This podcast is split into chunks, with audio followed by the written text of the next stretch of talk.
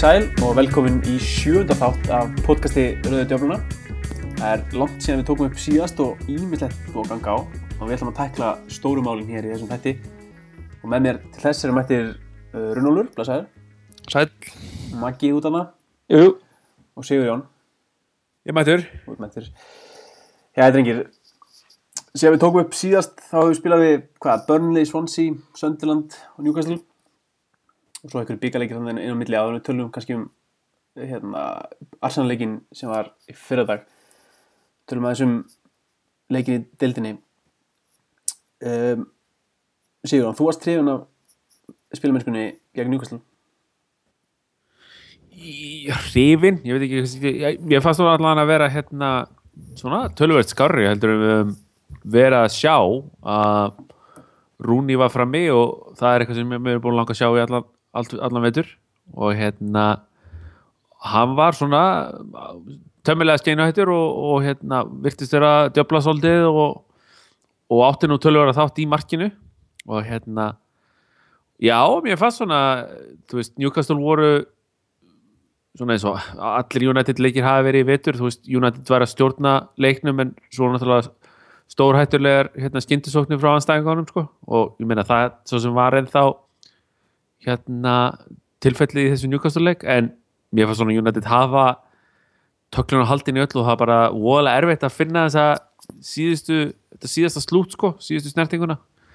En svona heilt yfir fannst mér þú veist þetta vera bara með svona skári leikjum undanfærið hjá United þó svo að standardin undanfærið hafi nú ekki verið eitthvað það hára að hérna við höfum eitthvað að vera að fagna því að þetta hafi verið eitthvað gríðaleg framför en já, mér fannst það alveg að vera bara alveg fínt sko.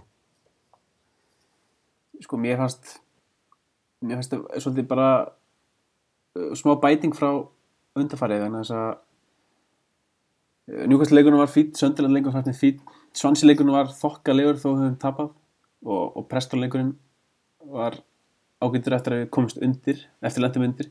Og það sem ég finnst sko það er eitt, eitt af þessi leikir eiga saminlega og það er eiginlega það er, það er Asli Jón og Andri Herrera.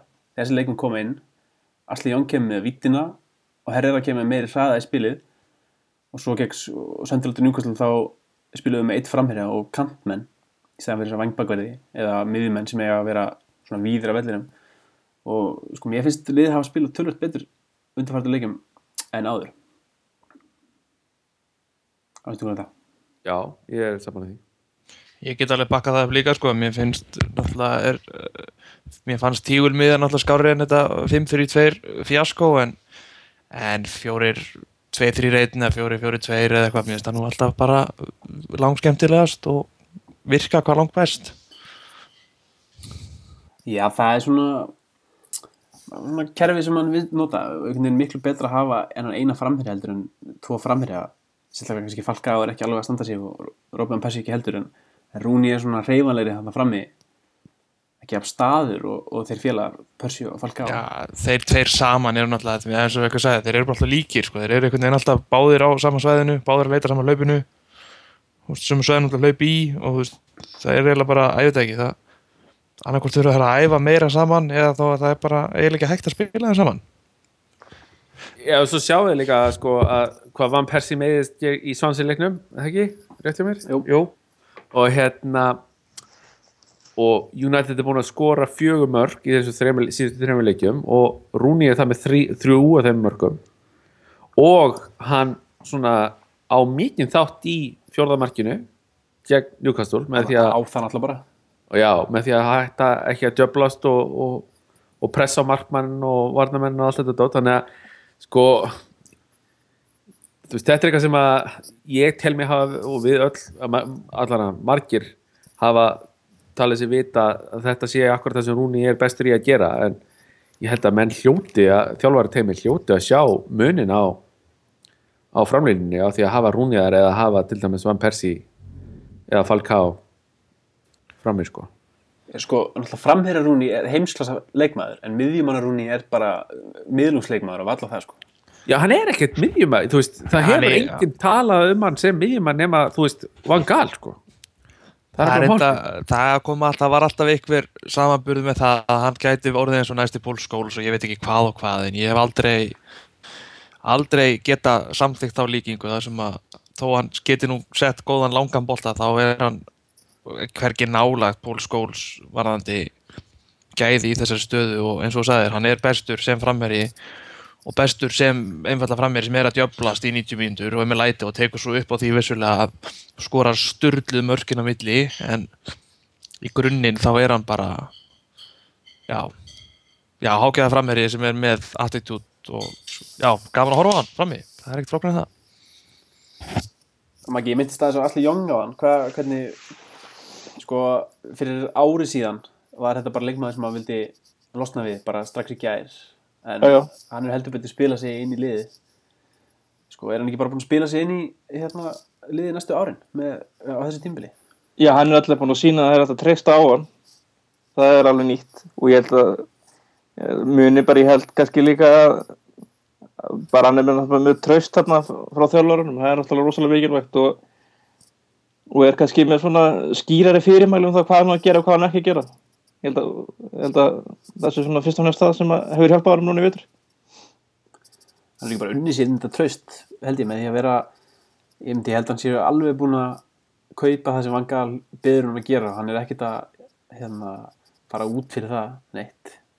Og það held ég að með sé akkurat hérna, punkturinn að því að hann sé að standa sem er bötir. Er það að þú veist, ég held að það sé svona fastara sko formið sem hann er settur í núna. Og hérna, mér finnst hann ekki sko áður fyrir átti Asli, sko, ég held að Asli Young hafi verið kiftur svona upprónulega að segja sko eitthvað Di Maria típa sko.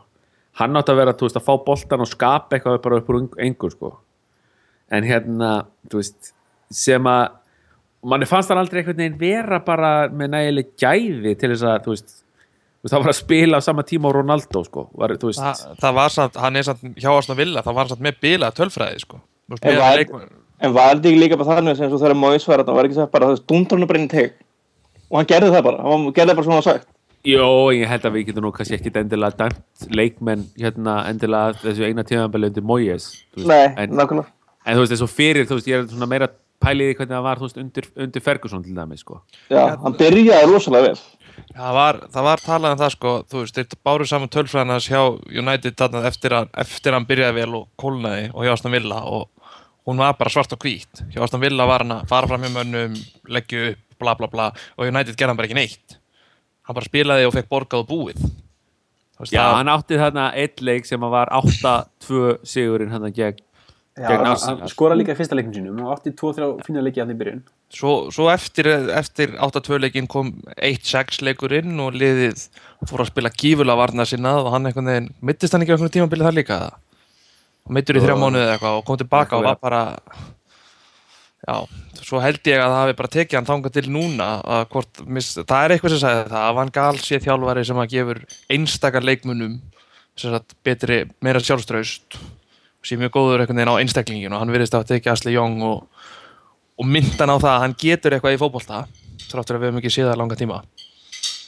Nei, sko, þetta var líka á undirbúinstímbilinu var hann einn af besti leikmaðurinn hann var hérna spilað frábælega þar. Og hann, hann var auðvitað tilbúin í verkefni að, að sanna sig fyrir þjálfarnum sem kannski menn eins og Kakawa og Velbeck voru kannski ekki endilega til í.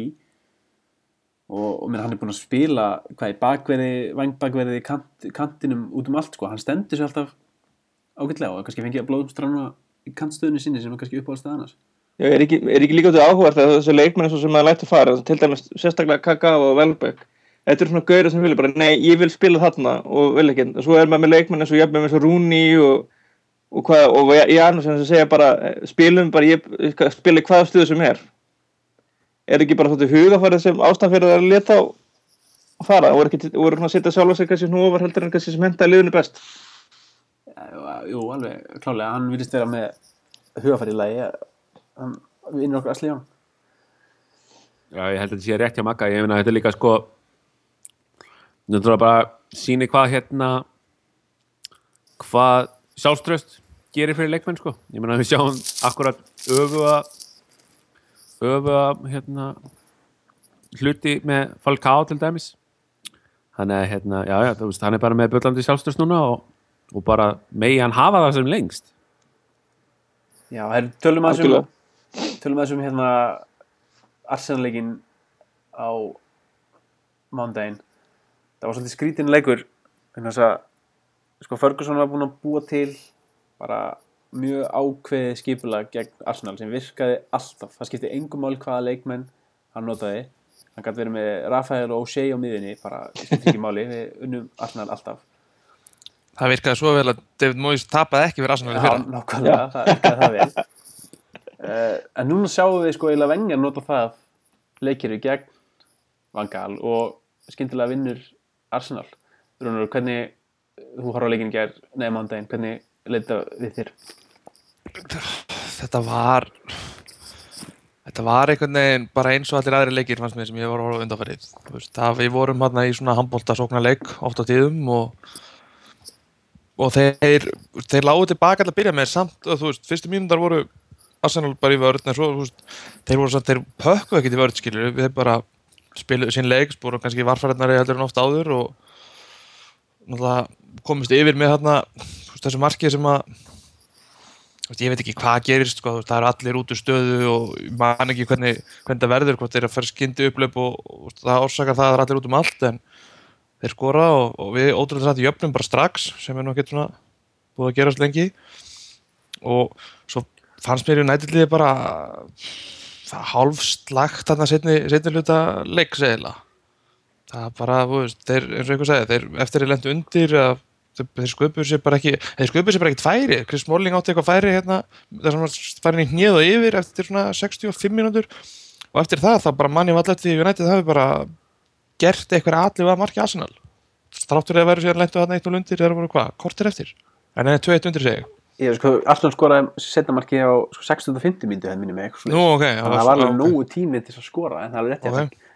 Svo fengum við þetta Smalling færi eftir hotn minni mig Já, já, það, það, er ekki þetta að kommenta á hana bara, Nei, það er- bara, þú veist, óöpinn bara fekk hann í blásuna en já, eins og sagði, þetta var svona jú, vissulega lenduði manni undir en þú veist, margir kommentur alltaf það í staðin fyrir hérna að bara lifta Valencia þá ofar á völlinni eða eitthvað og taka einhverja sjensa með þryggjamanna varnalínu eða eitthvað, þá hérna smellir hann að Janus að inn á í lokin eða síðustu, pff, ég manna ekki í staðin fyrir að bæta við framherja og reyna já, búa til eitthvað vesni í tegnum, sko ég verða viðkynna, það var En er það ekki svolítið damned if you do and damned if you don't? Þú veist, menna, við segjum núna sko að það er akkur setnum Jansson, akkur setnum ekki Falko en eða sett Falko inn og Falko ekki gert neitt, þá hefur maður sett akkur setnum ekki Jansson inn sem er svona hraðari. þetta var bara gambúl fyrir hann sem klikkaði, að það gæti ekki, ekki séð fyrir að hvernig þetta myndi spilast, sko. Jú, algjörlega sko, en bara einhver svo vanur í vanur Ferguson skiptingum í einhverju svipari stöðu þá var það bara framherji, framherji, framherji þá kannski voru, veist, fimmin á vellinum og veist, æ, mér veit ekki mér fannst hann, þú veist, það var litli sensa sem hann tók einhvern veginn sko, en alltaf ef þeir jafna og fara í framleggingu þá er kannski betra að vera með liðin á sem meika sens heldur en að vera allir með 1,5 cent og fjóra sóknumenn eða eitthvað Nei, ég, ég skil að ég er alveg sammálar, en ég hugsa líka ef að hefði ykkur, ef að Wilson jafnvel hefði verið á bekknum, þá hefði við sennilega séð hann koma inn á. Ég held að hann treyst ekki í Nei, reyndar. þetta, var, þetta var eins og í Newcastle-leiknum hefur virkilega þurftu mark í setnáleik hann breytir samt í rauninni engu sko. Það er ekkit uh, eins og Ferguson hefði klálega hent Falka á inn á eða einhvern framherja en þú veist, hann tristir þessa, þessa leikspekki sinni það mikið hann, þú veist, hann segir bara þetta virkar bara og svona verður það Já, ég, veist, þeir, þeir, eh, já, algjörlega sko, oft á tíðum voru við náttúrulega nála til komast í færi, ég menna Janus er vissulega, þú veist, þegar hann fekk guld fyrir dífuna þá var hann, þú veist, hann tók einu tötsu mikið og misti boltan hann frá sér en hann var vissulega kominn, þú veist, hann búinn að spóla fram hjá Monreal þarna og kominn í Það er færi. óskiljanlega ákvörðun sko. Já, hann, hann átti að hann búinn að missa boltan langt frá sér og ég held að þetta hafi bara, hann hafi séð eitt séns þarna til að, þú veist, reyna að gera eitthvað, hann vissi annars færi boltin bara í hendurnar á sérstni og leikurinn fara áfram, sko. Það ég skil pælinguna svo sem þannig séð, sko. ekki það að ég sé að mæla með dýfum skilur ég bara ég er átt, þú veist, að hann vissi það að hann væri búinn að skjóta sér í löppina þannig að í staðin fyrir að láta sérstinn bara fá boltan þá reyndar hann að reyndar hann að gera eitthvað Já, náttúrulega finnur örgulega fyrir smá snertingu hann er rétt fyrir auðvitað tegin sko. og þú veist, og og þú segir svo missir hann boltan og hann bara tekur hann þessa ákvörðun sko. náttúrulega, þegar þetta er sínt hægt og eiginlega, Ja. mér fannst það þannig þegar þetta var í fullu, fullu hérna, á fullri ferð þá fannst mér þetta svona bara fannst mér þetta alveg questionable sko þá sagði ég alveg bara, herðu, hvað er að gerast þarna? Það var- svo sá maður í eftir, endirsýningunni að þú veist, það væri svo að það væri bara fjóra mínútur á milli þess að snertingin var mér fannst það klart sko mér fannst það klart víti í fyrstu sín sko það var púlari hlýra mér og hann held að vera víti líka sko, það segja allt sem segja þarf sko. Þannig að það voru flestir af því að þetta væri bara pjúra víti og svo kom endursýningin og það var náttúrulega litið þetta skelvel út. Já, það er lí- lí- hluti líka líka að líta oft verður út í hægum endursýningum líka þú velur líka svona kapla en þetta, þetta var bara dífa samt held ég sko. Hann er snertur en það er svo lung hann, hann er þetta ekki. Hins, hins vegar veri, er ég ennþá sko, eftir að hafa séð mjög hæga endursýningu af hérna, atvikinu þar sem að Di Maria fær guðlarspjaldi sem ósakar allt vesenið þá rýfur Ramsey nú alveg svona aðeins í hendinanum og Di Maria er náttúrulega hvað, 7,5 kíló þannig að Já, ég meina Arsenal fengur síðan auka spilnir ánast bara í næstu sók sko fyrir, fyrir nákvæmlega sama þetta er klippan sýnir bæði atvikin sko, það, þú veist, þá þú veist, dómarinn, mér fannst, jú, nættið átt að þeir átt ekki skýri í leiknum en allt þetta tal, þú veist, Ég meina við áttum alveg jafn mikið skilur Arsenal. Ég meina Arsenal já, fengur þannig sé sko, ég hef aldrei, mér fannst dómar, veist, það var bara talað svo mikið um hvað dómar átti frábæran leik og eitthvað bla bla bla en, þú veist. Æ, ég veit það ekki, svo, þú veist. Ég held að hann hefði fengið klálega aukarspunni á þetta á Spáni. Ég- Di Maria? já, ég að var Hann-. Eða bara ef hann hefði verið í Arsenal og það hann fengið auka spilnir Já, líka þú veist, ég held að sé bara vanu því að það sem hann hefur spilað, að svona snerting hendur ég niður, farið aukarspunni Ronaldo fór niður öruglega sko í 300 svona skipti nákvæmlega að tóka aðeins í hann, hendin honum fyrir aðeins það fyrir aftan hann og hann bara herði, fuck this og hendir sig ekki í jörðina, hann bara dettur Já. og svo setur hann hendur hann út í loftið og dómarinn, já, ok, þú mátt þarna hvað, En maður skilja það náttúrulega, þetta er óþólandi, það er náttúrulega klárlega að vera að tóga og tröfla og þú lendir í svo kannski tíu sinni í leik og segir bara fuck it, þau bara nýjan hér, ég held líka ég er náttúrulega hleypa ekkert rosalega hratt sko, ég gerir mér ekkert, ég held að sé þú eru öll að hlaupa á almennlega hraða þá, veist, það þarf ekkert mikið til að finna í jörðina sko, þó það sé kannski eitthvað íkt það er hann búin að rífa hendin í honum fyrir aftan bakskil og svo bara, þú veist, það er ekkert að missa mikið balans til að detta. Það er þannig mín já, það ég veit það ekki, þessi leiku var bara Valencia uh, gaf mér loksins ástæðuna fyrir að þólan ekki sem hægri bakur í þessum leik. Það er kannski, En, en það, í þessum leik sáðu bara ástæðan fyrir því að, Vangal treystir ekki varnamönu liðsins. Þessi, í fyrsta markinu þá fær held ég Ösil boltan fyrir miðju miðju- fær hann út, í- út í vinstra og það er allt fara- galop, galopið fyrir hann. Þeir fara allavegna yfir og aftur tilbaka. Já, og hann gefur hann á, á hérna, Chamberlain sem tekur þrjá fjóra menn á og svo kemur hann hérna boltanum yfir á Monreal sem er alveg er að því að á þeim tímum þegar Valencia komin í miðurinn Smalling á þá kannski að taka hægri bakurinn en hann hugsaði, herri, ég er miður, best að hlaupa aftur inn í tegin og Di Maria nefndi ekki að elda Monreal inn í tegin og Nei, maður sé bara sér í eftir hann er alveg sko, sé, horfur á það að gera sko. Einmitt, já, og svo leiði á Monreal fyrir boltan þá tekur hann sprettin á hann hugsaði, herri, fokk, ég átt að taka hann. Uh, og svo setna markið, þá náttúrulega bara algjört klúður sko. það er einmitt það er kannski helsta vandamáli sem við hérna, stöndum fram fyrir núna. Að það, þessi varnamennum er bara ekki treystandi til að spila þann leik sem þeir eru að spila. Það vantar bara, það vantar bara eitthvað svona hersöðingi, eitthvað svona stjórna vörninni. Það er engin af núverandi leikmönum liðsins góður í það hlutverk. Það þarf eitthvað svona leiðtóa það þarf eitthvað svona jakst eitthvað svona bara svona sé bara, heyrðu, þú veist farðu þarna og þú þarna, hvert að gera Já, það er einmitt það sem maður var að vonast til þess að, að maður myndi fá að sjá frá Phil Jones veist, það er eiginlega hérna veist, það er sko, Johnny Evans og, og Smalling þeir munu aldrei, þú mútt aldrei sjá þá taka svona, þú veist, terri takta að henda sér skiluru með andliti fyrir boltan til dæmis. Nei, veist, aldrei, það mun aldrei gerast. En hérna Phil Jones er vissulega kandidat í það að henda sig já, Phil Jones er bíl akkurat þess vegna sko. já, en það er einmitt sko það Jones gretta sig það sem Phil Jones er að brenna sig á er það að hann er að meiðast út af þessu gauragangi sko.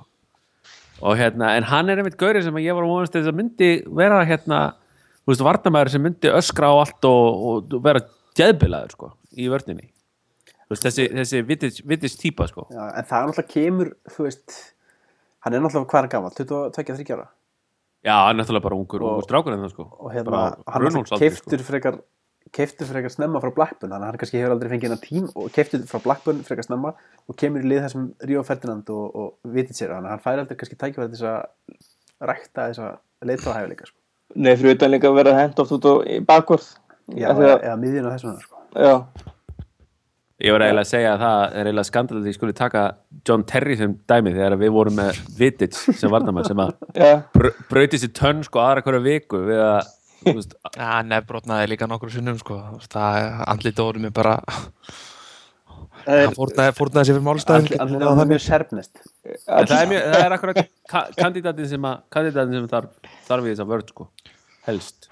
Það er ekki- Haldið haldið að Hömmel sé típar í það að vera Ég meina, hann, Ég- er, hann er fyrirlið Dortmund. Hann satt ekki þessi hérna breska hlaupi gegnum múrveggi típa sko, Nei, en en- en sem við ég erum- sé á hann sko. En við erum ekkert endilega að leita á nákvæmlega þannig varnamanni Við erum, hérna, hann er, hann er leitói hann er fyrirlið Dortmund. Það er að, vantar, já, menn, það er eiginlega fyrirliði svona og hann er líka mjög örugur á boltanum sem er held ég nummer 1 og 3 sem við þurfum. Og getur skorað. Já, ég, ég er samt ennþá því ég sé hann ekki fara neitt í, eða þú veist, í nema mistardildin heilli, heillan svona gífurlega sko, þá, þú veist, Dortmund eru hvað er ekki ykkur miðjadild núna? Veist, hann er fyrirlið þar, hann er í Þeir eru bara að fá stigum frá mestardildasæti held ég. Já, ég, Þetta er þeir, rosalega skrítinn dild þarna þeir getur alveg endað bara í mistardildasæti og þá held ég að hann sé bara ekki að fara eitt eða neitt nema til bæjarn sko, veist, það hann alltaf eru uppnáðulega faðan, þannig að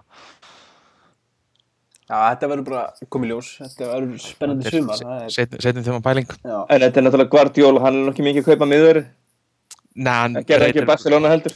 breytir bara miðumann í hafsend og Það færi bara menn aftar sko. Já, gott séður miðurinn áður en við veitum af. Eh, Herru, Maggi, þú myndist á mestarlega Þannig að það er ekki bara fínt að færa sig Gott segvei yfir það. Hérna, sko, síðan við tókum upp síðast þá var nýjumslega gert í dildinni Fyrir mánuð síðan þá voru og Tottenham í sætunum uh, fyrir ofan og neðan okkur en, en þau hafa núna skipt við Arsenal og Liverpool bæði þess að lið hafa verið á mikill siglingu í dildinni undanfælda mánuði. Sko það eru tíu leikir eftir. Samkvæmt mínum útreikningum er það 30 stig sem er eftir í pottinum. Og það gefur okkur ekki mikið svigrum fyrir mistök. Sko framöndan er rosaleg leikjartörn Maggi, hvernig líst þér á þetta? Sko ég, ég hef fyrir, ef, fyrir þarna ef við hefum náðu það að sigra Swansea og, og, og jafnvel slá út aðstæðlega byggjum þá væri, bjart sýtni en, en ég ekki að vera endalega eitthvað svartur við, við erum búin að standa okkur vel gegn stóru klúbunum. Og ég get alveg trúið því að við höldum því bara áfram. Þannig ég hugsa við en ef ég ætti að spá fyrir hvað við fáum mörg stig hérna út ég, ég get ómögulega svara því. Sigurjón, hvað, hérna, sko, hvað þurfum að gera til þess að ná í að minnstu kosti fjórasæti? Uh, sko við þurfum að taka sko hérna ég held að við verðum að vinna heimaleginu okkar bara no matter what sko. Við erum fimm heimalegi eftir. fyrst, fyrsta lagi. Og síðan verðum við að, að reyna að hérna að ná allan að stíi gegn, gegn, gegn Liverpool og Chelsea og hérna ég, ég held að þú veist það sé alveg gerlegt sko. ég er bara mest hrættu við þú veist hérna þú veist útileggingin Everton og eitthvað svona svoleiðst Krista Palace. já, Krista Palace Hull sem er mögulega síðast leikun okkar. Kannski þeirra þurfa þeir sigur. Sko. Já, nákvæmlega sko Svo náttúrulega heimalegur gegn Arsenal ég, ég, held, ég hef betri tilfinningu fyrir honum sko Mér finnst þess að United kannski mæti öðru sér til leiks þá sko En já, það er bara þú veist, þetta er bara uh, sama gamla tökka, það verður bara að taka alveg veist, það bara verður að sigra þessa leiki og það er, er ekkert manna að ræða þess að gegn Tottenham og, og hérna Aston Villa og, og City-leikurinn verður að það verður að fá eitthvað út úr honum sko Það spilast inn í það er náttúrulega mjög gott gengi okkur á heimaðalli. Ég held að bara Chelsea sem er betra gengi á heimaðalli á þessu tímpili og svo aflitt útvölda gengi. Þannig að sko þó við vinnum heimalegin okkar sem er þó gegn Tottenham og City Arsenal sem er nú ekkit uh, auðvelt þá hefur við samt eftir að fara eins og þú sagðir á Anfield og Stamford Bridge og Goodison Park. Þannig að liðið verður svo gjöra svo vel og, og, og, heipja nei, heisi upp þessi buksunar á útivelli. Og ég hef sem við meðum ekki tapa mikið meir en einu leik sem eftir er sko. Mestalega einu leik sem við meðum tapa. Já, þetta er náttúrulega óvinni jamt og ég er alveg sammálaðir við náttúrulega, sko, við erum samt, fyrir utan hennar aðsannleika, við erum náttúrulega búin að standa okkur ágætlega þannig séð á mótiðlega liðunum í kring það sem er helst að brenna hvað var að stiga er náttúrulega bara jafntefnilega hann í byrjun tímpils á móti hvað er við, við tap fyrir Lester jafntefnilega móti Burnley, jafntefnilega Aston Villa jafntefnilega Söndiland, þetta eru næstu fjögur og næstu fimm liðunum. En jú, útöfallar svo lengi sem ég ná mig stiga í útöfalli á móti hérna Chelsea og eitthvað, þá, veist, ég græt það ekkert af Liverpool, ég skal alveg sæta mig við stig þar sko. Sko, ef við vinnum Tottenham, þá meðum við alveg fara á Anfield og ná í aðtöfli. Já, algjörlega sko. Ég, ég tótt já, ég, maður held, við vinnum heimaleikinu okkar sko, ég hef engar fyrir utan leikin á mánutæðin við eigum að vinna tóttina líka sko, ég hef átt með að vinna fyrirleikin Já. bara á góðum degi þá eigum við bara að vinna tóttina punktur Svona það hjálpar okkur að, sko, þetta er algjörlega okkar höndum því við höfum eftir að spila við þessi kannski þrjú lið sem helst að berast við Tottenham, Arsenal Við erum eftir að spila við öll þessi lið sko. Já, þú veist, þá getum við, ef við vinnum þá leiki, þá er þetta náttúrulega algjörlega 60 leiki, sko. En samanskapið að þið tapast, þá er það náttúrulega algjörlega hrikalegt, sko.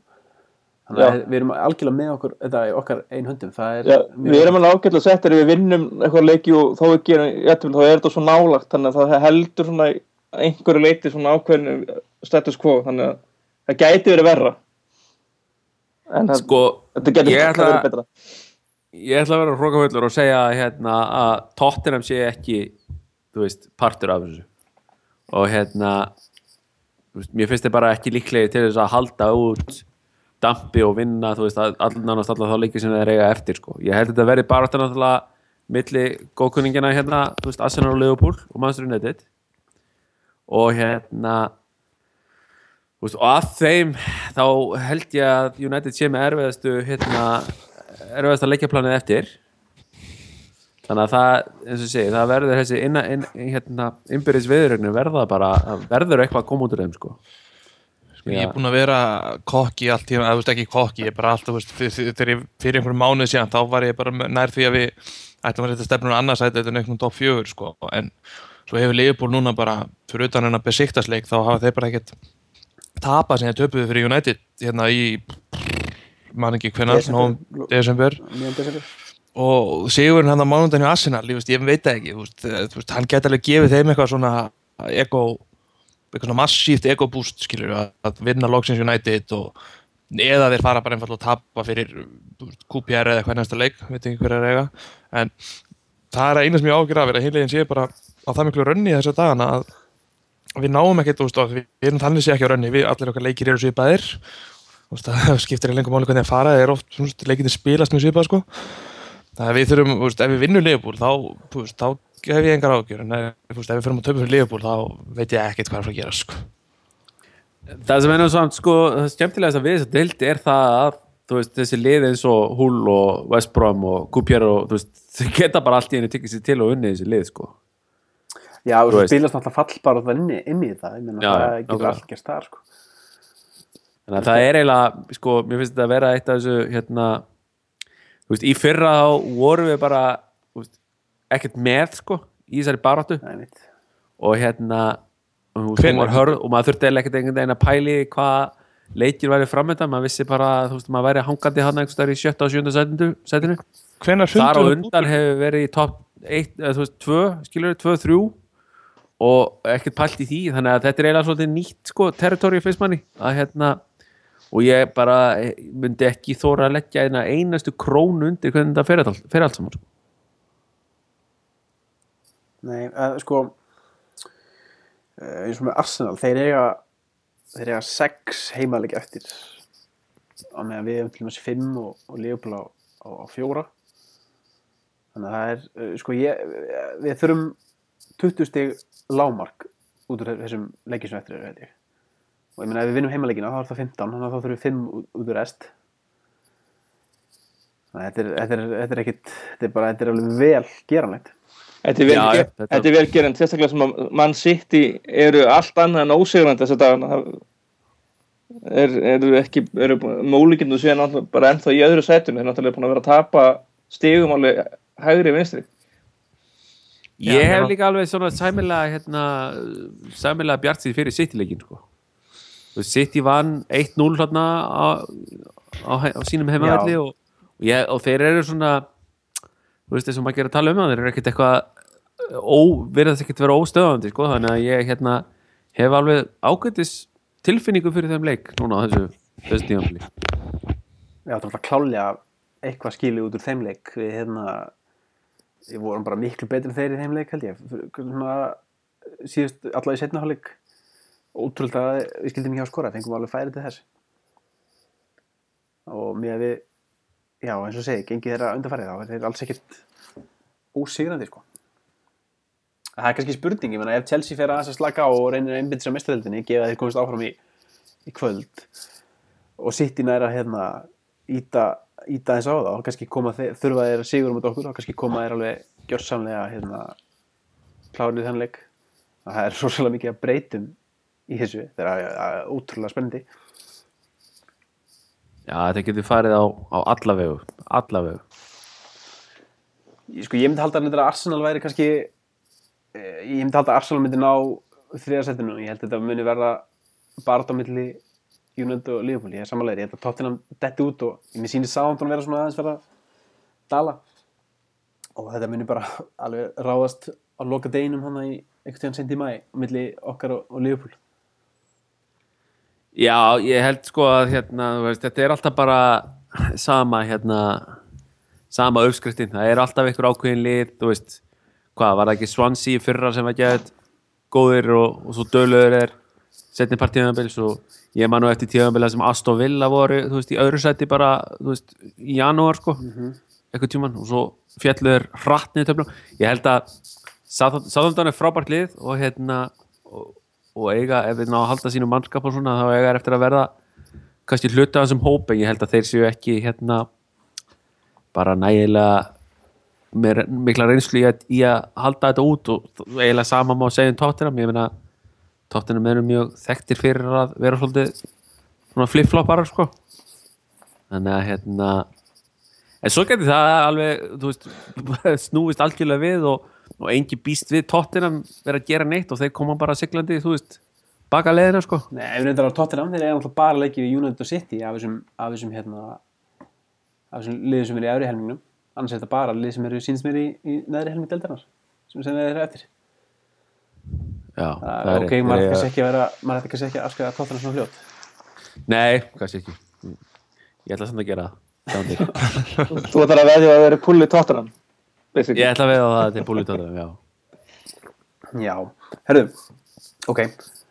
Um, Angel Di Maria, við tölum að svo að hann fengi þetta rauðarspjald hann missa leikin Tottenham, fekk einsleik spann hann hefur fengið svona gaggrinu undanferði, hann alltaf byrjaði þetta tímbil frábælega, sko. kom hann inn bara lagði upp mark og skoraði mark í þrejum fjórum leikjum í rauð en svona eftir áramót hefur hann ekki verið að spila þetta sérstaklega vel.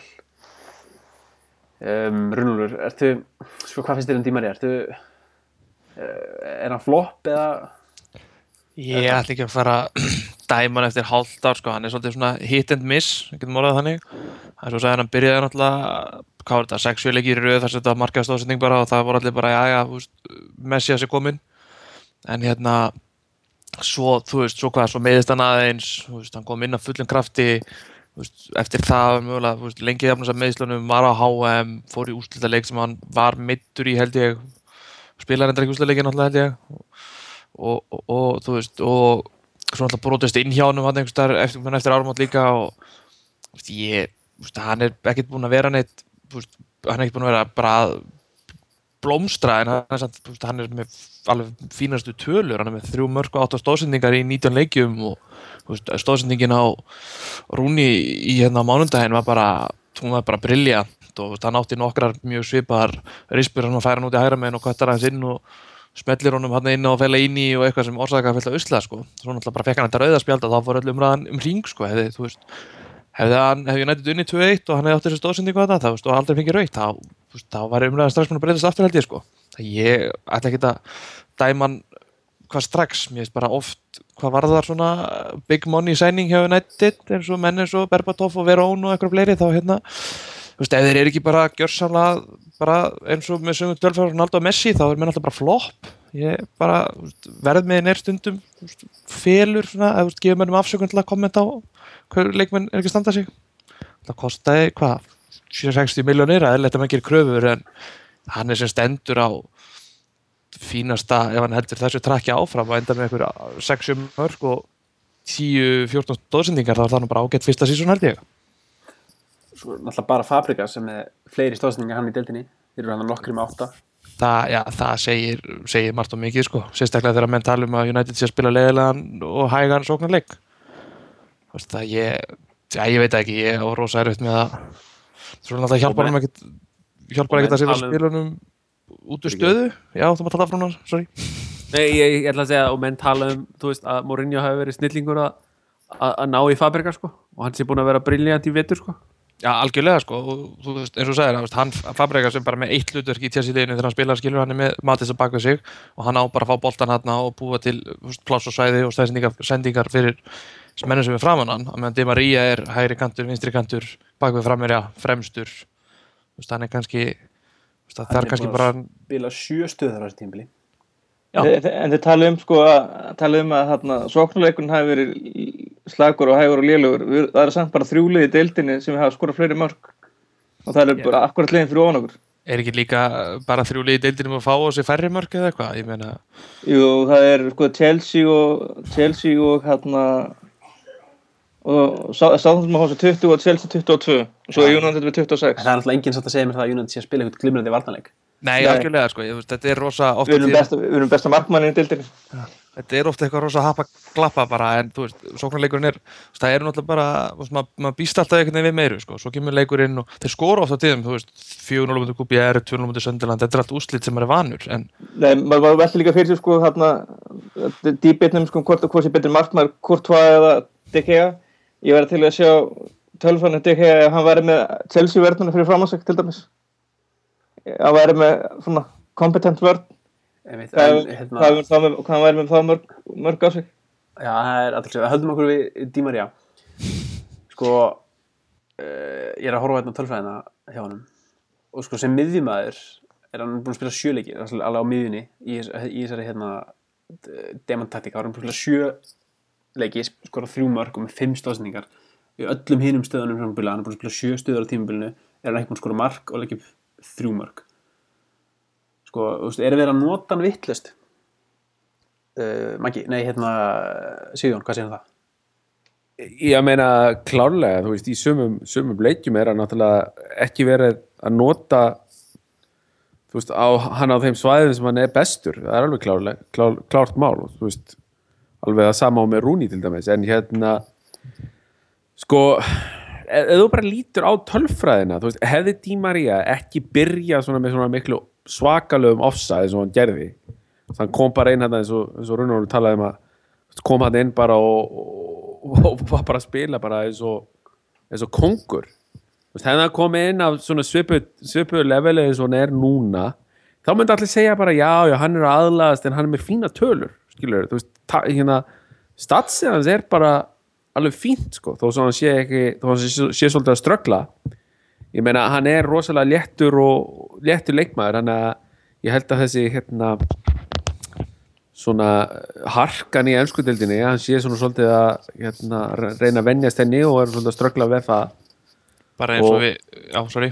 Og, og svo hérna veist, þetta með leikaraskapinn og þetta sem er ekki kannski eins algengt eins og er á Spáni og hvað þá eins og er í Suður Ameríku og síðan náttúrulega var hann einn af þeim mönnum sem fór hvað lengst á HM sko. Og eins og Runólu minnist á það líka að hérna að spilar þar, þú veist, síðustu, síðusta leikin og síðustu tvo leikina kannski hérna í meðslum, hann er að þú veist, þannig að kannski er hann bara að verða eitthvað, þú veist, þreyttur og, og eitthvað og sjálfstrætti kannski ekki alveg bullandi fjö- fjöri núna. En, en þú veist, hann ég hef engar, engar áhyggjur af Di Maria, þú veist, og svo hann sé kannski ekki endilega sína einhverja heimsklassa tilbyrðið akkur núna, það, á næsta árið þá verður hann mjög mikilvæg leikmaður fyrir okkur. Mér finnst menn oft gleyma svona utanvallar faktor í allir þessar umræði þú veist, ég meina hann er nýtt land og allt þetta og svona brotist inn hjá honum og eitthvað, mér finnst að að það hafi bara gleymst, ég, kom það ekki, mér minnir að það hafi komið bara svona rétt eftir, þú veist, á svipum tíma og þetta dip í, í forminu hjá honum væri sér stað. Og þú veist, þetta spilar það inn í, þú veist, það er eitthvað saga sem að hann hefði verið heima þegar hann brotist inn hjá honum og eitthvað, ég meina þú veist, það, þú veist, það, þú veist, hann er alveg mannlegur, sko. Þetta myndi hafa áhrif á alla aðra sem er ekki fótboltum en ég finna ekkert skrítið að þetta myndi hafa áhrif Nákvæmlega, og mér finnst þess að segja, mér finnst hann ekkit, þú veist, í þessum leikir sem hann hefur eitthvað slakastur, þú veist, þeir kommenta á, þá er hann oftast eitthvað starf, þú veist, spila frammi í fjóru, fjóru, tveimur og eitthvað, þú veist, ég vil bara sjá hann hérna, já, ok, hann fýtn hægra minn út Arsenal, en ég vil bara sjá hann úti vinstra megin í eitthvað skonar hlutverki eins og hann var hjá Real Madrid, það sem hann átti vist að vera eitthvað bestur. Bara það sem hann er einhvers þar á miðursvæðinu fær boltan og svo bara hleypur hann að stað.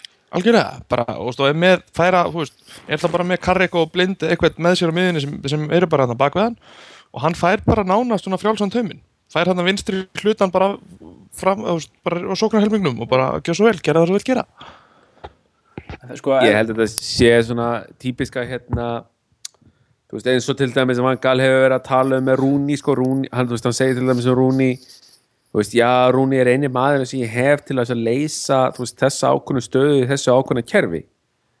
Þú veist, við getum síðan talað um það þú veist, hvort að það sé rétt og hvort að Herrera sé betri maður og svo framvegs en þú veist, ég held að það sama sé í gangi með hérna Di Maria er það, þú veist, að Vangal sér, þú veist, þessa ákvönu leiki að verða að spila eitthvað þú veist, ákveði kerfi við út af þessu og hinu og þú veist, og þá verði bara Di Maria settur inn hann þú veist, út af því, menn vita náttúrulega hversu mikla hæfileika hann hefur en þú veist, menn, þú veist, kannski er hann ekki rétti maður til þess að vera bara inn á vellinum í þessum kerfum sem að Vangal kýstundum að vera að spila, þú veist, kannski þú veist, ætti Mata eða einhver annar að vera þú veist, eða Janusæ eða eitthvað að vera í þessum stöðum en, en hann er að nota Di Maria vegna þess að hann er Angel Di Maria. Ég held að það sé kannski líka smá faktor í þessu hann líka hefur það hlutverk í liðinu að, að þú veist, kannski umfram alla aðra, að hann, þú veist, það er hann sem á að, að hlaupa og taka menn á og gera þið ómænta og ég meina, ef þú skoðar alla tölfræði þá er hann þú veist, flestar líkilsendingar flestar, hérna dribbles, ég auðvitað þetta er góð íslensku orði fyrir það og flestar stóðsendingar, veist, hann er maður sem á svona að gera þið ómænta í liðinu, sem er einhvern veginn virðist vera eini maður í liðinu sem má fá smá leifi til þess að fylgja ekki nákvæmlega planinu sem Angal setur upp. Jan, Janus, ef við listar reyndar fá Já, ok, van, já, okay að síð, síðustu leikjum allavega, hann hefur fengið svona smá fá að fara á kantinn og hann veriðist að fengið það leiði bara að fara á menn en það hefur hann sko, þó hann sé ekkit og þá er hann tölfræðin með það hann er með fleiri guldspil, þetta er mörg og eitthvað svona hún er vinsel í dag. En hann er samt, veist, það er ekki end, endprodukti er ekki komið skilur en hann er að fara fram hjá bakverðunum trekk í trekk og ofta er hann ekki lið að skipta um bakverða því að bakverðunum voru fór guldspjald bara fimm mínútum eftir að hann kemur inn á sko. Já, um, sko ég skrifaði það í, í allursend á, á hérna, blogginu gæði sko að þetta, þú veist, ég hef meiri þólum með eitthvað þessum tveim leikmunum en þess að þeir eru að, þú veist, þeir eru að reyna að gera óvænt þessum, þú veist, það, það þarf eitthvað til að brjóta upp þessar sendingar alltaf fram og tilbaka, fram og tilbaka vantar, þarf þessar leikmenn eins og þá tvo til þess að, hérna, skapa eitthvað sko. Algjörlega, svo kannski Asli Jón kannski kemur inn í svona smá svona wildcard þarna, hann er alltaf búin að vera búin að vera ágættur í sístu leikjum um hvað var það þetta. Koma sér í, þú veist, skotfæri eða fyrirgeðafæri og fara fram með mönnum. Þeir eru hérna þrýr sem ég held að veist, bara þrýr sem gera þetta punktur sko. Og restin er bara í hérna handbóltar sóknarferlinu okkar.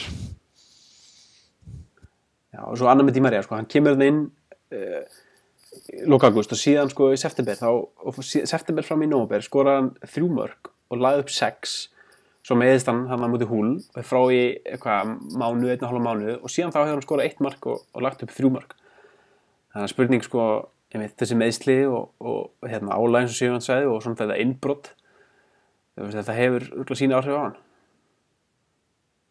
Já, ég held að hann eftir að ég held að við þurfum ekki að hafa neina áhugir af honum, ég held að hann settlist og, og hérna kannski fyrir hann í ganga á hann þetta tímabilið er búið en, en ef ekki þá bara næsta tímabil, ekkert mál.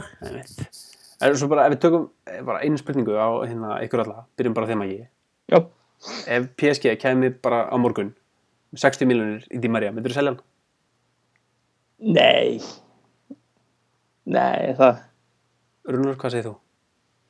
Nei, mjög einfalt nei hérna nema þú Nei, ég, nei, sorry, ég ætla ekki að selja hann fyrir 60 miljonir ef við vilja fá hann á 120 þá skulle skoða. Sigur, hvað segir þú? Já, ég er sammála því það, þú veist, ég sel hann ekki á sama pening og við keftum hann á. Og þú veist, hver, hver annar ættum við að kaupa fyrir veist, 60 miljónir sem hefur sömu getu og og Di Maria hefur. Þú veist, það er hérna frekar vilja þú veist, selja ég, ég myndi bara að reyna að hérna að pranga Valenciina og eitthvað veist, það er- Já, hann er hvít að láta að borga smá penning fyrir það. Hann er ekki brasilíumar, þeir eru bara að köpa brasilíumenn.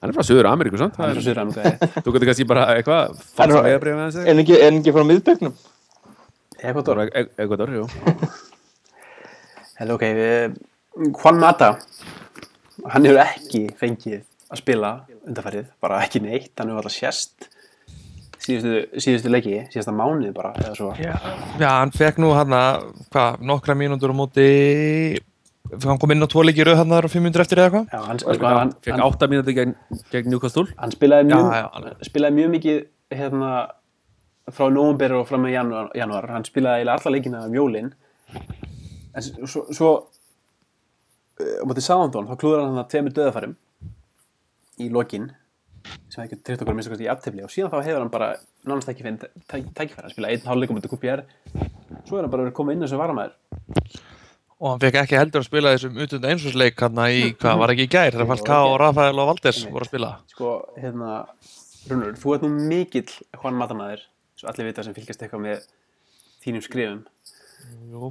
sko, þú veist eh, væri betra að hafa hann í liðinu en eitthvað annan, á hann skilið að vera hann ég, pff, þú veist, ég, þú veist, ég myndi alltaf spila hann frekar að fæla íni allavega í svona flestum leikjum. Ég er, veist, ég, er, ég er nú alveg hrifin að fæla íni og allt það en, en þú veist, hann er eiginlega, mér finnst að hann er hann má spila hérna milli að, veist, einstakar leiki en hann á ekkert að vera hérna, veist, hann á ekkert að starta bara hvern einasta leik, skilur hann, veist, hann mataði leikmaður sem vill starta í liðin sem þú veist, hann býti færi og veist, hann er góður á boltan og skemmtilegt að horfa á hann og allt það. Og ég bara hérna ég, ég, ég vil bara, já, veist, hafa hann í hólunni og bakvið Rúni, lefa Rúni að djöfla sig fram hann hann, þú veist, svo lengi sem Rúni er samt frammi, svo mann man það geti fundið hann.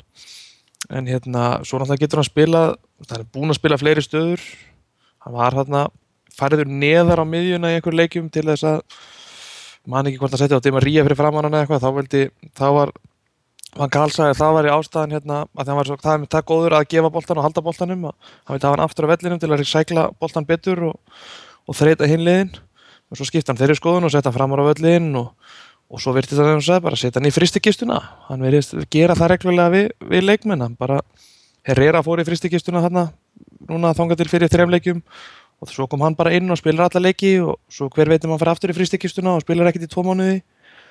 Hann gali er hérna þessi fristikista hans er eitthvað rosa vinsal fyrst mér, hann bara tekur leikmenn sem þú sagðir, ef þeir eiga eitt slæma leik þá kannski er hann bara settur í fristikistuna? Er þar bara eitthvað tíma? Og, það er mitt ángætla stuðnismennir bókstala fættur að öskra nafni hans og þá kannski fer hann að koma aftur inn.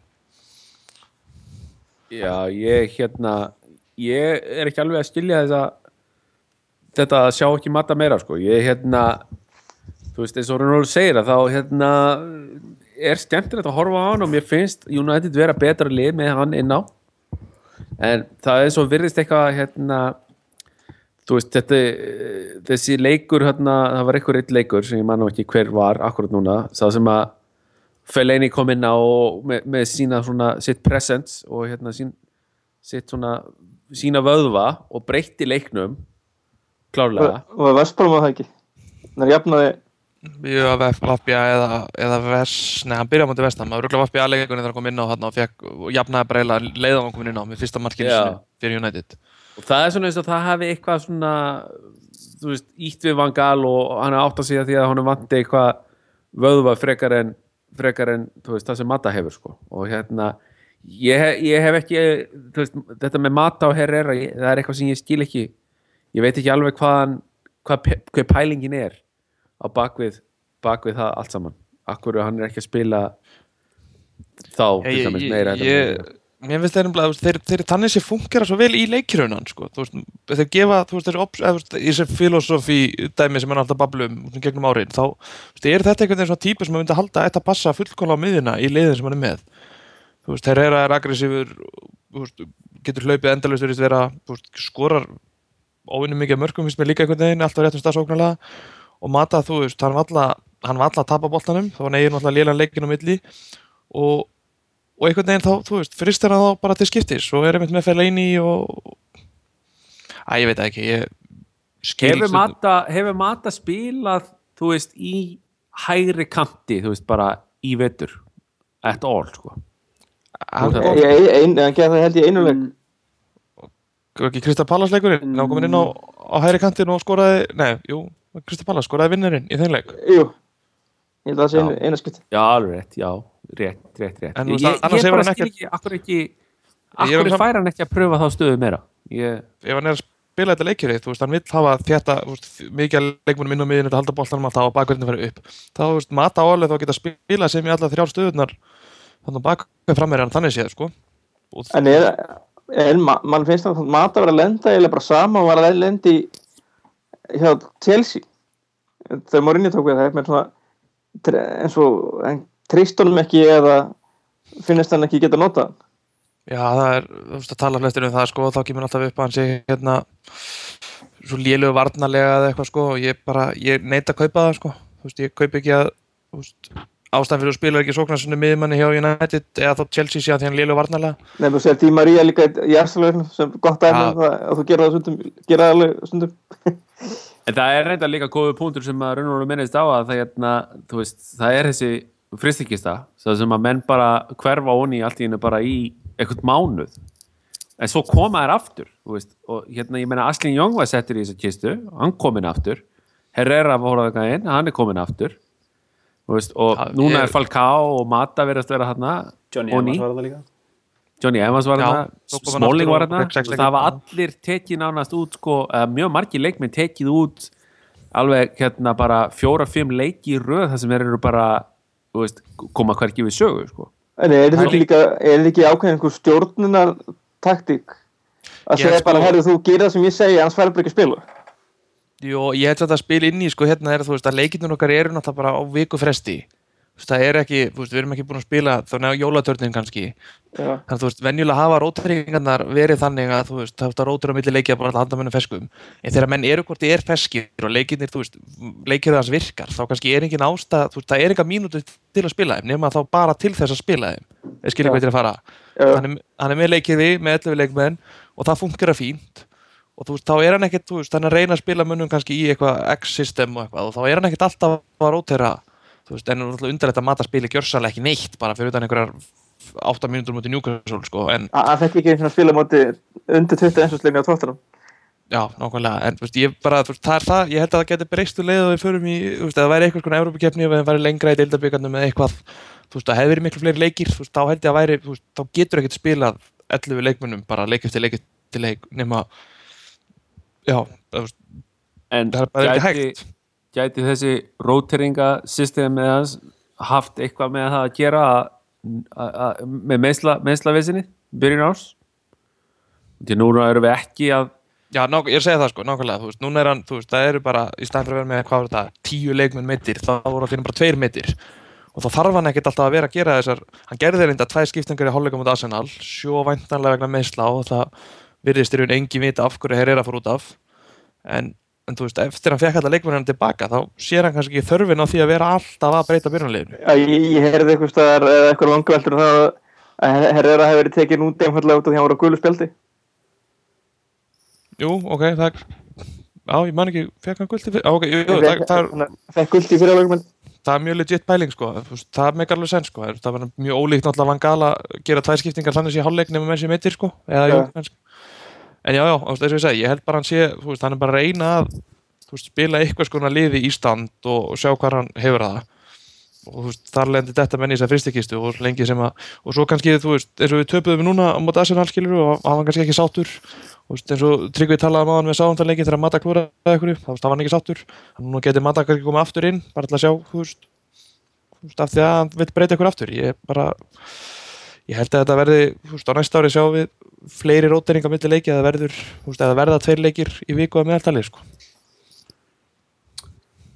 Já, fyrir mér er þetta sko eins og Mag- nei, Maggi kom inn á það að uh, menn endi fristikistinni og, og er kannski endilega að fylgja fyrir mannum ég held að það sé kannski hérna málið er að hann, hann kannski spila leikmunum og svo kannski er hann ekki sáttu við þá og, og svo segir hann bara kannski við þá hérna, heru, þú hefur núna fær ekki að spila og nú þarf þú að fara að fylgja fyrirmælum mínum á æfingum og svo þarf svona að vinna sig aftur í liði eins og með Herrera það var kannski ekki alveg að fylgja þessum nákvæmum fyrirmælum sem hann vill að miðumenni sinni spili.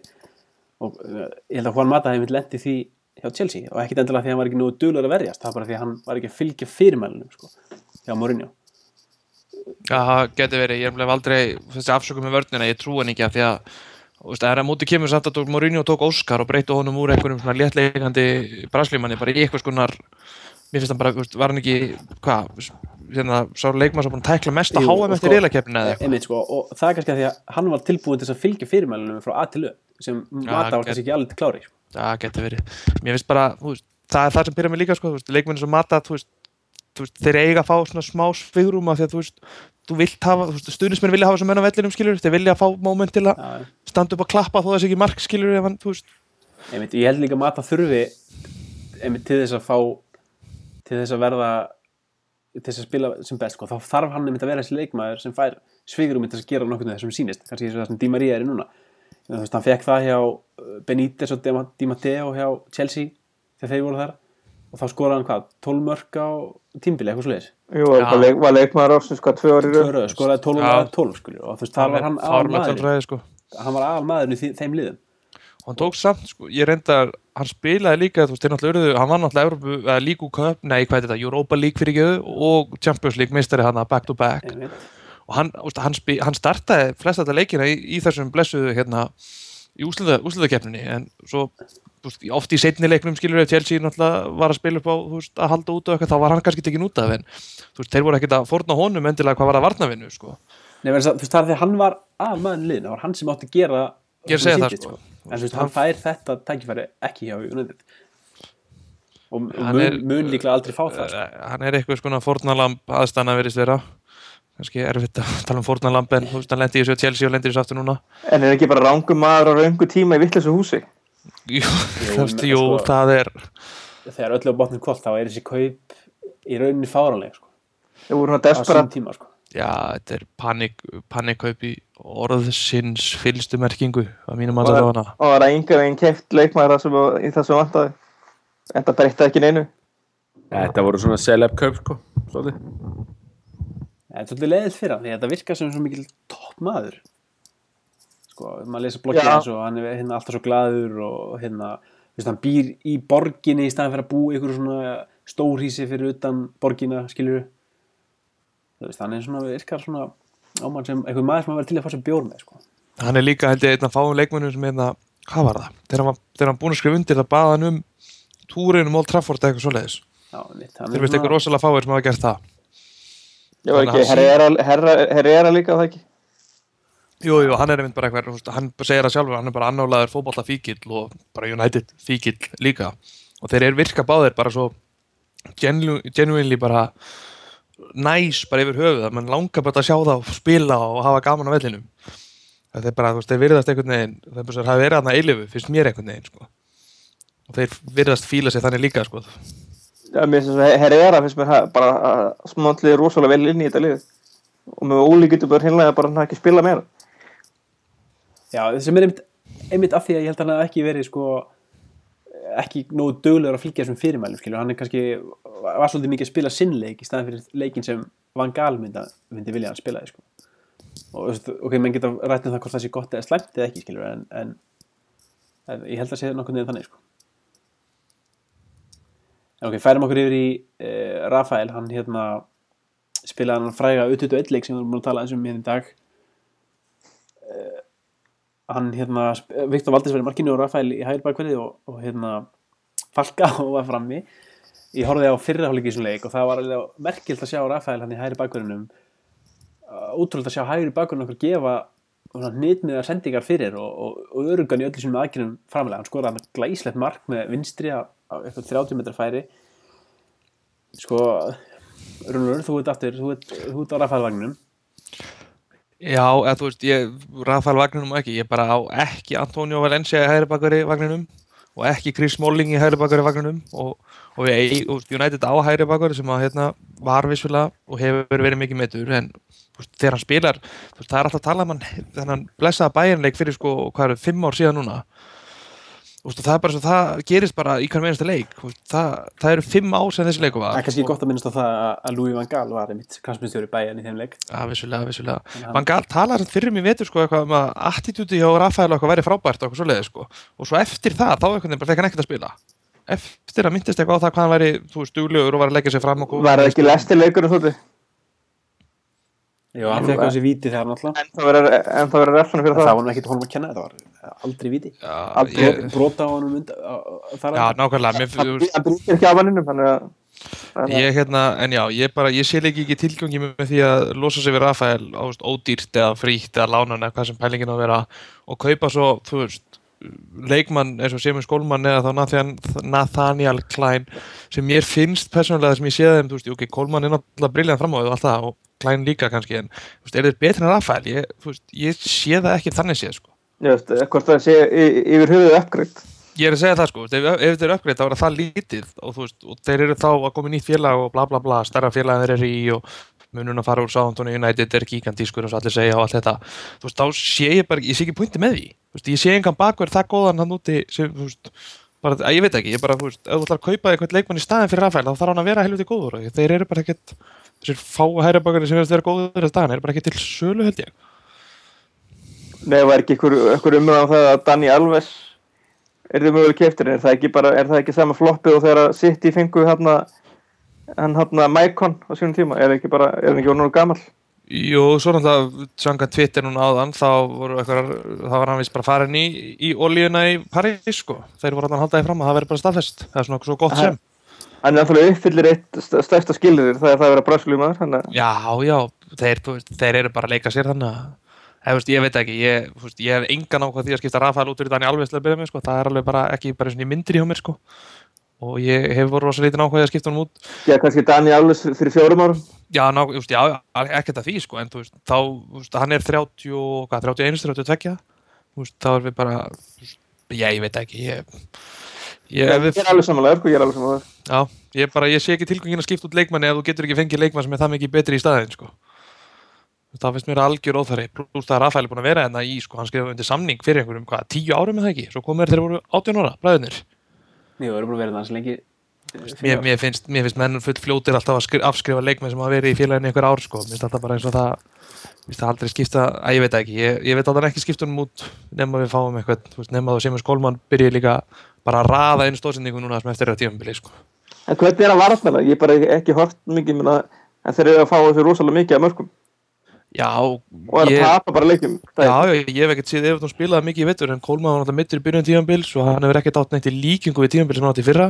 Þú veist, ef þú eru lélegir eða þú veist, já, þannig sé, tapaði leikjum er að fá sér skítamörk þú veist, ég, þú veist, og þá hvað, er þá Nathaniel Klein, er hann næstur? Og hann er næstur af því að hann er svo litið varnarlega Já, og meðan Sáðantón eru ofalega í deildin og hafa verið að spila vel og hann er náttúrulega búin að vera þannig að hann er örugglega ekkert verri leikmaður Sko, hann er alltaf hluti af bestu vörðinni í Já, England í dag. Og, og hann hérna tapar vallan ái, ég var að skoða tölfræðum daginn hann vinnur eiginlega öll sín ái og hann er mjög örugur í sínum aðgerðum.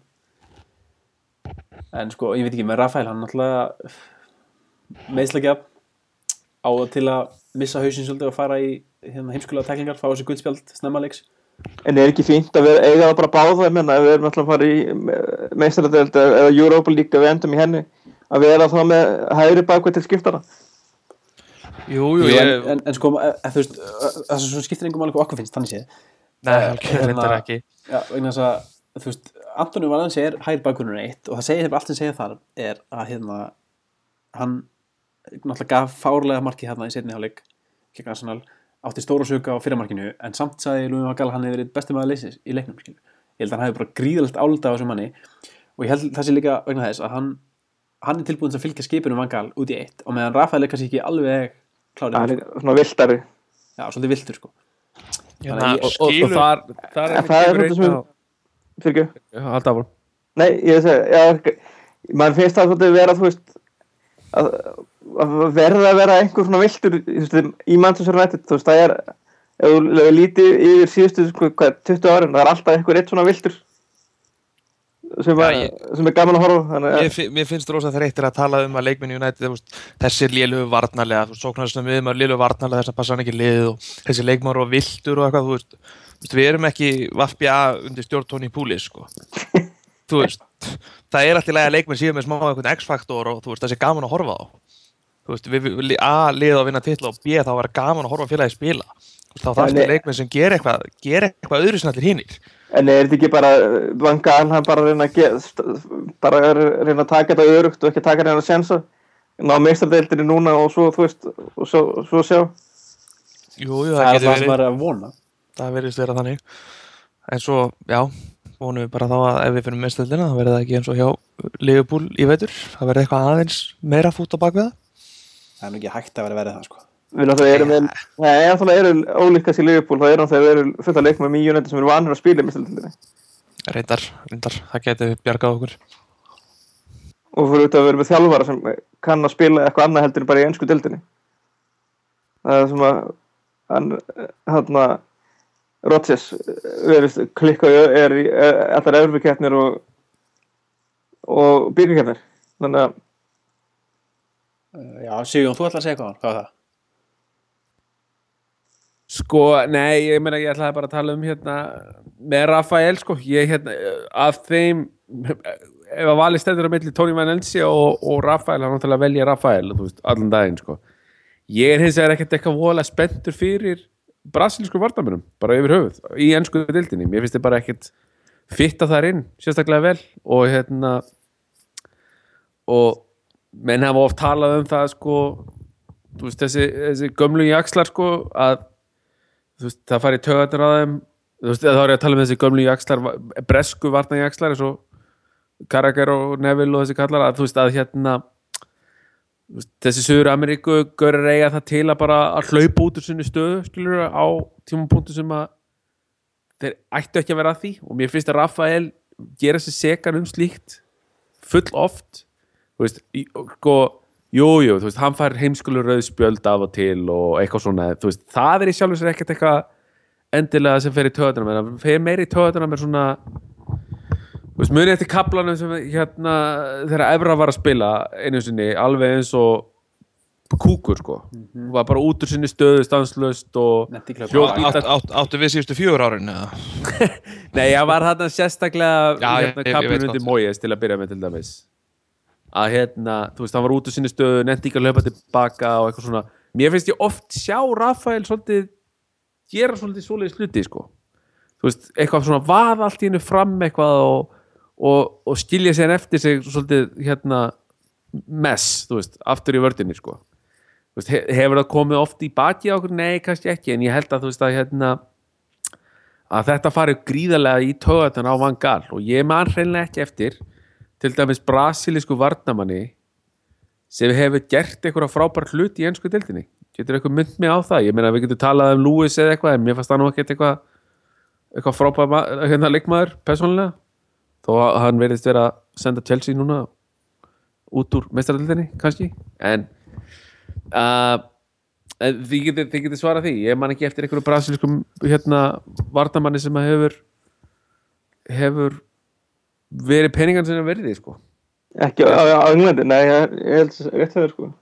Einu leikmar sem hefði, hugsa, hefði getið staðis ákveðlega á Englandi væri Diego Silva.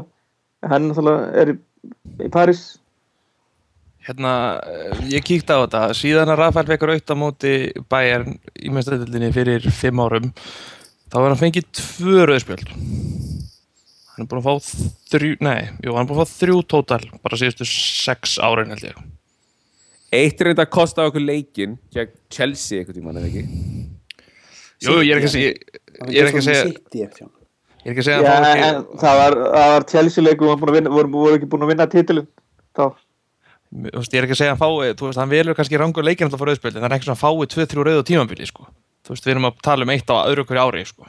það eru kannski líka hérna eitthvað rauðispjöldin hefur hann ekki líka svolítið gefið frá sér heimskuli víti til dæmis Jú, Allan jú, það er... Liverpool hefur hann gaf hann eitt víti í fyrra Mér finnst hann, já, ég veit ekki það, hann fær á sig fullt heimskulum brotum sem er náttúrulega því hann er æstur og aggressífur alltaf. Mér finnst hann rosalega oft, þú veist, hann fær á sig rosalega soft brot líka, finnst mér. Bara eins og Lester, hérna, fyrir ég veitur.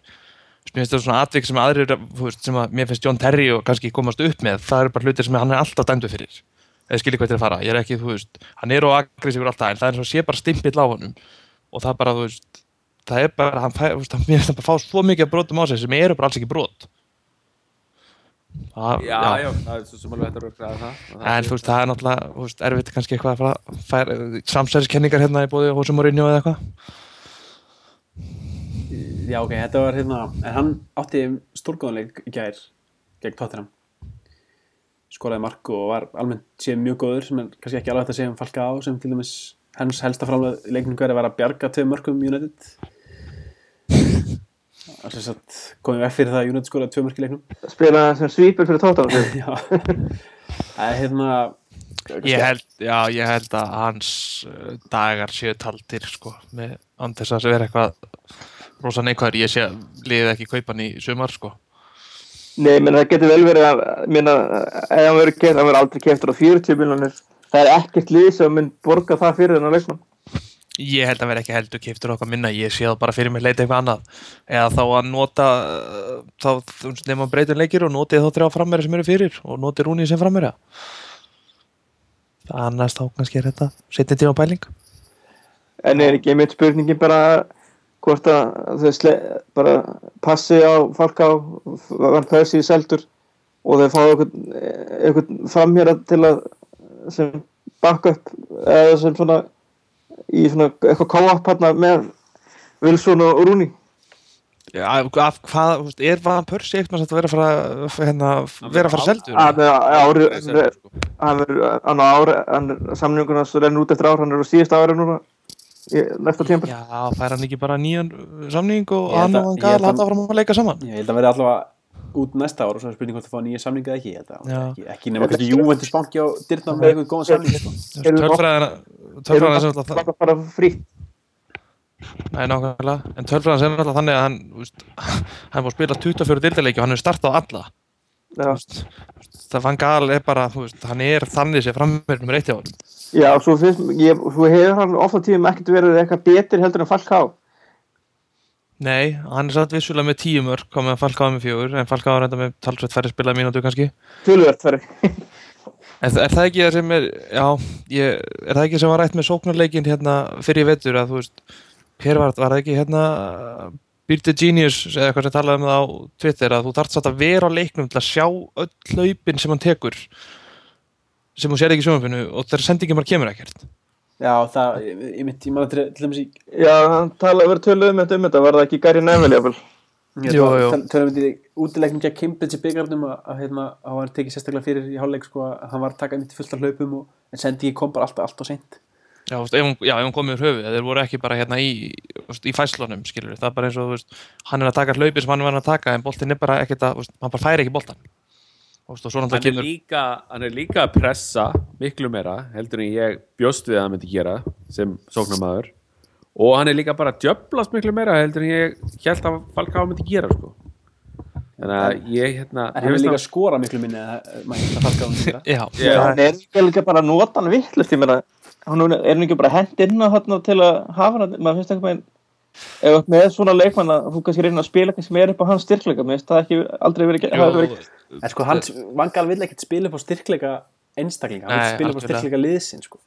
já, þetta er hálfleið sko en já, Falka á dæmi líkta rosalega mikið af eitthvað svona Berbatov dæmi sko, þú veist, það En þurfti það hefði náttúrulega aldrei hægt að fá leikmann til að byrja með ef, hann alltaf ekki að spila ef að, þú veist ég, ég meina kannski hefur hann, ég meina, svo, þú sér hann bara í leikjum sko. touchy hjá hann er bara Já. það er ekkert og, hann, það er þegar, sjálfst sko. og þegar hann fær mann í baki þá dettur hann bara sko. það er ekkert endilega að sé eitthvað að dífa sér hann bara, hann bara missir einhvern veginn jafnfæði bara um leið og kemur svona snert ekki í hann sko.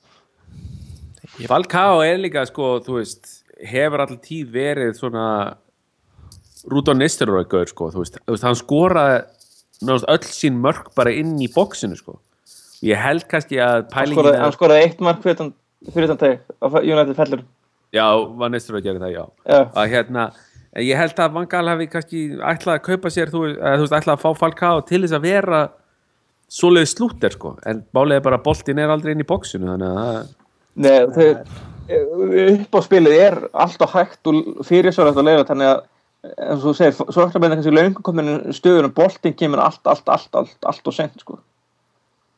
Og svo eru menn að taka allt og makka snertingar eða, eða fyrirgjarnar að stranda á fyrsta leikmanni eða leikmanni að klappa boltanum og mikið. Það held ég að sé kannski eitt og svona það vantar, það er tempo það vantar allt tempo. Ég held að það sé stærsti hugverkur ef að tempo verður lagi þá verður það verður búin að skóla eitthvað fleiri markalið Ég veit já, herru, hérna segjum skiljiði falka og tökum fengum ágæta spurninga frá Facebook og Twitter en við slútum þessu. Sko, hérna einn spurning frá uh, auðinni sem virkur á, á síðinni með aðstæða mjög fín spurning. Og hann spyrir hérna að þetta er gott að vera að ræða hvað mennur þólumóður gækvart vangal hvað vilja menn gefa hann langa tíma og hvað sjá menn liði vera eftir cirka tvö ár? Segir hann, bara byrjum að þér, tökum bara hringin Við erum reynda að tala um aðeins um þetta hérna í, ég held í síðasta bókasti að hérna, ég meina hann, ég vil uh, láta hann hafa all, all næsta tímabil alveg klálega, sama hvernig þetta fer. Ég meina, ég menn tala sannum um það ef hann kemst ekki inn í meistardeldarsæti og eitthvað svona hvað á þá að gera, ég held að það skipti einhver máli, hvernig þetta tímabil endar, hvort það sé, það sé verði innan eða utan meistardeldarsætisins en ég held að næsta tímabil það verði hreinlega að vera topp þrýr slagur sko. Og hérna þú veist hvað, hvað, hvað breytingarna gerir í sumar og, og svo framvegis en, og ég vil sjá sagt ég þarf ekkert endilega að horfa á þú veist hérna Manchester United vs Barcelona hérna 1999 ég þarf ekkert að horfa svoleiðis leiki í alla þú veist í hverjum einasta leik á næsta ári. Veist það þarf ekkert að vera Það var þrjú eiginlega- fjögur mörg skorið sko. Ég meina, En- United spila alltaf mjög illa í þeim leik í 90 mínútur. Þannig að það er ekki kannski besta dæmið. Spilaði illa ja, í, í, í þeim leik sko.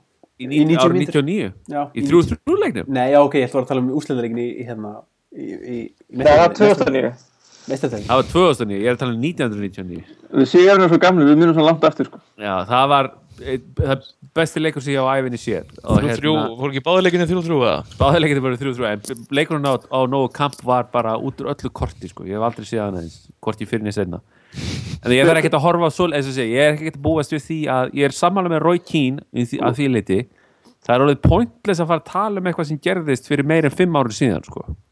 Þú veist, maður þurfa bara að fara að horfa fram á við. Fótboltinn hefur breyst bara gríðarlega mikið sérstaklega sístu fimm árum. Og við komu þessa peninga og, og, og svo framvegis. Og hérna við þurfum bara að fara að horfa fram á við og United er kannski ekkert lengur liðið sem að verður að, að hérna að vinna títilinu öll ár sko. Þannig að hérna en við finnst fyrir ekki rétt grípið hans inni er að þú tala um leiking gett Barcelona 99 að árið 1999 þá var engin annar en Luis van Gaal sem var þjálfari Barcelona. Já já, segðu, nákvæmlega. Þannig að- þetta er allt tengt sko við veitum alveg hvað hann getur gert það er ekki spurning, þannig að hérna, ég vil bara sjá liðið spila þú veist, ekki verið í þessu endalösa ströggli fram á við og bara hérna veist, fara að setja þetta uh, vera bara nokkuð ákveðnir í sínum aðgerðum, ég held að það sé það er það sem ég vil fara að fá að sjá núna. Og hérna, ef að það verður ekki ef þetta verður sama svona svona handahófskent á næsta ári og fram að áramótum. Þá kannski getum við fara að taka þessa umræða aftur en, en hann fær allan að mitt 100% tröst þú veist, næstu næstu, hvað við segja, bara 12-16 mánuði cirka. Ok, Maggi, hvað segir þú? Já, ég sjálf, sjálf sér eða engu við það að bæta. Ég held þarna ég myndi gefa nú næsta tímbilega klálega nema, ekki nema liðið verði ykkur sko, borðið ykkur Dortmund-durgli en þú veist ég hérna en, en þá verður allan að vera á titilbartu held ég. Og ég held líka þetta tímbili núna það einkennist alltaf því sko að vera sko hrættir við að, við að tapa og líka hrættir við að missa boltan en náttúrulega náttúrulega að treysta enga veginn vörðinni þannig að ég held að við erum í fínu máli með að fá einhvern heimskosa miðverðin í sumar. Og þá fá ekki að sjá vangal liðið spila svona meira sett sinn bolta Ok, Rúnlur? Hérna, ég las uh, á Twitter í dag hjá, veit ég hvort er að followa hann, Musa og Kvonga, það er erfitt að breyta fram. Mm -hmm. Hérna, hann Lóskapnum seg- eru? Já, jú, jú, hann segir hérna, satt, ég þýði þetta bara, talaði við vinn minn og langtíma bæjarnataðanda um vandamann vangal og hann hérna myndi eftir öllu bara fössinu sem hann hafi orsakaði í Þísklandi og hló síðan og sagði geða hann um tíma og stuttu, öfstu í sama, hérna, næsta tvít er satt þessi sami vinur myndi eftir því þegar það var allt brjála þegar vangal hendi Luka Tóni og Bekkin fyrir einhvern einhvern hór, einhverja hórenglu sem heit Tómas Múller þannig að þú veist hann er búinn að vera hérna í hálft ár veist, ég er svo, sagði það hann þarf tvö ár minnum áður en maður dæmir að þannig sé sko. þrátt að ég sé náttúrulega þú veist, pyrraður yfir hérna þú veist, að við sem leikmenn sé ekki að spila meira og allt það, þú veist, þá verður maður að treysta því að hann viti hvað hann að gera sko. og Já, hann ég- fær fær þar að lendi tvö ár frá mér allan áður en ég setja einhvern hamar í borð og vera að skræði viljan burt sko. Já, ég er nokkuð samanleikur sko. ég held að það verði algjörlega gali að losa sig við hann losa sig við hann núna eftir þetta tímbil ef við myndum ekki ná meistrættisætinu hann er komin að stað eitthvað ferli sem er, ok, menn getur að vera ósamála því eh, hvort það sé gott eða ekki. En hérna en ef, ef það kemur nýrstjóri í sumar þá, þá hérna þá þarf að aftur að byrja eitthvað nýtt og, og þá eru búin að tapa, þá eru tv, síðustu tvö tímbil bara gjössanlega gagslaus og hérna þannig að ég held að séum ágætt sér vegfæri með Vangal. Hann er kannski svolítið að nútíma væða United, ég menna þessi possession bolti er, er svona uh, það sem er móðins og á næst tímbili vil maður bara sjá meiri framfæri, maður vil einmitt, einmitt ekki sjá þetta sem, þetta ströggl sem búið að vera og maður vil sjá liðið vera bara vera challenge, maður þurfum endilega að vinna titilin það minnst að vera, veist vera í barátunni í apríl sko. Það er rosalega leiðilt að vera alltaf að horfa niður fyrir sig og sjá hvernig Southampton eða Tottenham gengur í dildinni þannig að ég hef ég hef nokkar þólum með eitthvað vangal annars fengum við fullt af góðum spurningum og bara endilega hvet allar sem er að hlusta okkur að dempa okkur spurningum. Við kannski reyndar höfum ekki meiri tíma að tala, taka fleiri spurningar. Í dag, við erum búin að tala ansið lengi. Getum eflust talað langt fram til kvöldi ef, ef út í það er farið. Þannig að ég held að segjum bara bless á þessu nótum. Takk hjá fyrir að hlusta. Verið sæl